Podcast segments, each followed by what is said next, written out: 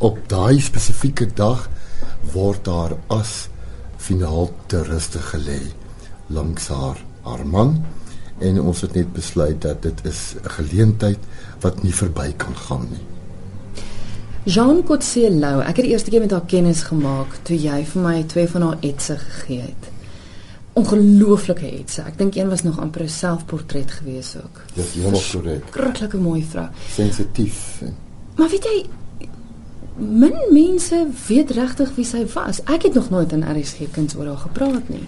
Maar toe ek en jy nou begin gesels oor haar, toe kom ek agter sy is eintlik 'n ongelooflike mens, punt nommer 1, en sy het 'n fenominale lewensreis gehad. En dit is juis wat ek met hierdie onderhoud met die luisteraars wil deel oor wie sy was. Weet jy John Coetzee was werklik 'n vooraanstaande kunstenaar wat 'n besliste plek in die Suid-Afrikaanse kunswêreld verwerf het. Sy het ehm um, sy verwerf haar BA beeldende kunste honneurs met lof aan die Universiteit van Natal en op grond daarvan het sy 'n toekenning gekry wat haar die kans gegee het om vir 'n jaar lank in enige plek in die wêreld te kan gaan studeer. En sy kies toe Positano, Italië, waar sy 9 jaar deurgebring het en haar kuns beoefen het en selfs kan jy glo binne 'n jaar aangestel is as 'n uh, kunsdosent en sy het vlot Italiaans gepraat na daai jaar. Want ek wil nou net sê die plan was om vir 'n jaar te gaan, maar sy het op die ouene 9 jaar gebly. So na 'n jaar kon sy vlot Italiaans praat en op grond daarvan is sy ook aangestel as 'n dosent. En natuurlik ook en ook natuurlik oor die feit dat sy hierdie ongelooflike kuns uh, talent gehad het en sy was 'n ongelooflike dosent en en eh, jy weet in 'n en en onderwyser vir studente en vir kinders. Ja, dit wil gedoen wees. Baie interessante tyd toe sy in Italië was, want sy hoor ek by jou was bevriend met Picasso. Sy was bevriend met Picasso gewees en ehm um, ja, hulle was eintlik ek wil amper sê huisvriende gewees. Daar is selfs sketse ook van John gemaak deur Picasso.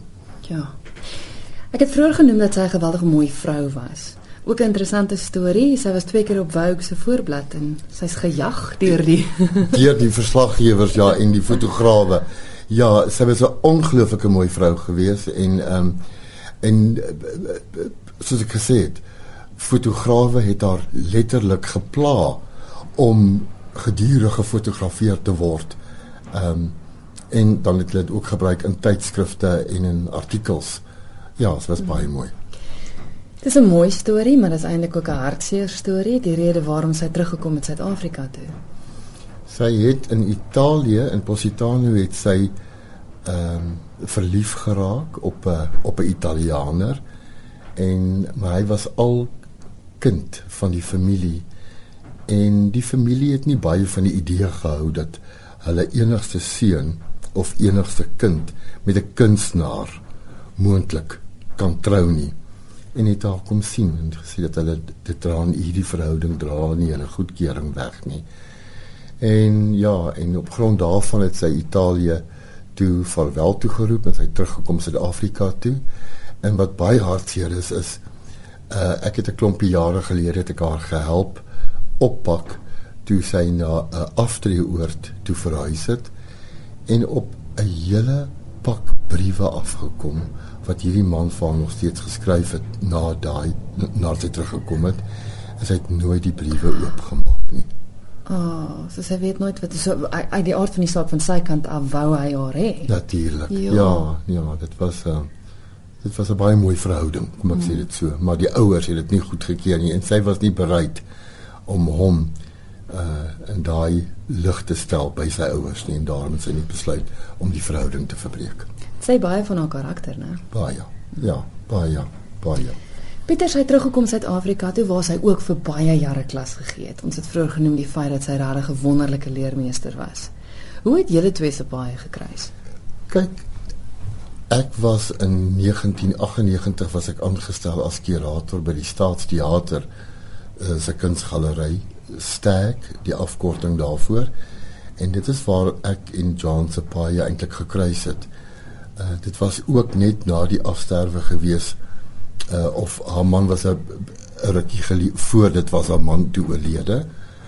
En dit ons baie goeie vriende geword en toe ek nou die pos aanvaar as direkteur hier by die kunsvereniging het sy ook maar saamgekom en sy was op die ou einde ook een van die raadslede gewees en sy het toe 'n ere raadslid hier by ons geword. Ek kry die idee dat sy haar tydgenote ver vooruit was, maar dat sy nooit regtig daai erkenning gekry het nie.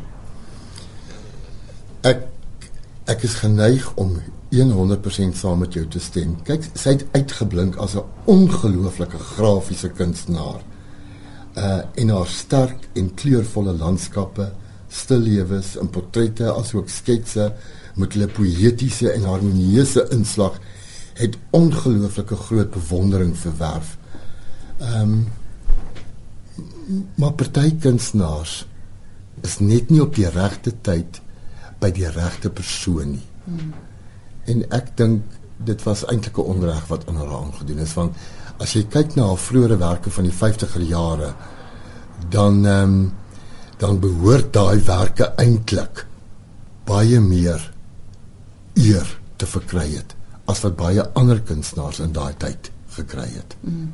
Maar ten spyte daarvan, ek meen as mens kyk na die enorme lang lys van van opdragwerk wat sy gekry het en in hoeveel hoeveel versamelings haar werk opgeneem was, was sy een van ons fenominale kunstenaars geweest. Verseker, mm. verseker. Ja, as ek as ons nou daaraan moet dink dat sy omtrent aan meer as 220 solo en groepsuitstallings deelgeneem. En as jy kyk na bykans in elke kunsmuseum reg oor die land is daar van haar werke opgeneem. So ja, sy uh, eintlik is dit vir my eintlik 'n skande dat sy nooit die groot merk gehaal het nie as mm. kunstenaar nie of daai erkenning gekry ja. het nie. Is dit oorwegend iets wat sy gedoen het? Ek weet jy genoem mosaïek was 'n baie sterk ding toe sy in Italië was, maar ek ek ken nou net haar uitswerke. As 'n mens gaan kyk byvoorbeeld na die hospitaal The Little Company of Mary, daai wonderlike groot mosaïek kunswerk in die kapel mm -hmm. is een van haar werke. As jy kyk byvoorbeeld na ehm um, in Pretoria ook was daar by die administrasie is daar 'n wonderlike kunswerk wat ook 'n uh, eh, mosaïek was wat sy ook daar gemaak het. En ehm um, ja, daar daar is verskeie plekke. Jy weet sy het byvoorbeeld in Bloemfontein, in Durban, in Kaapstad. Oral het sy baie groot, kolossale, monumentale mosaïek kunswerke gedoen. Uh, sy is ook bekend vir haar waterverwe wat reg oor die land en al die Absa takke is om om te kan beskou.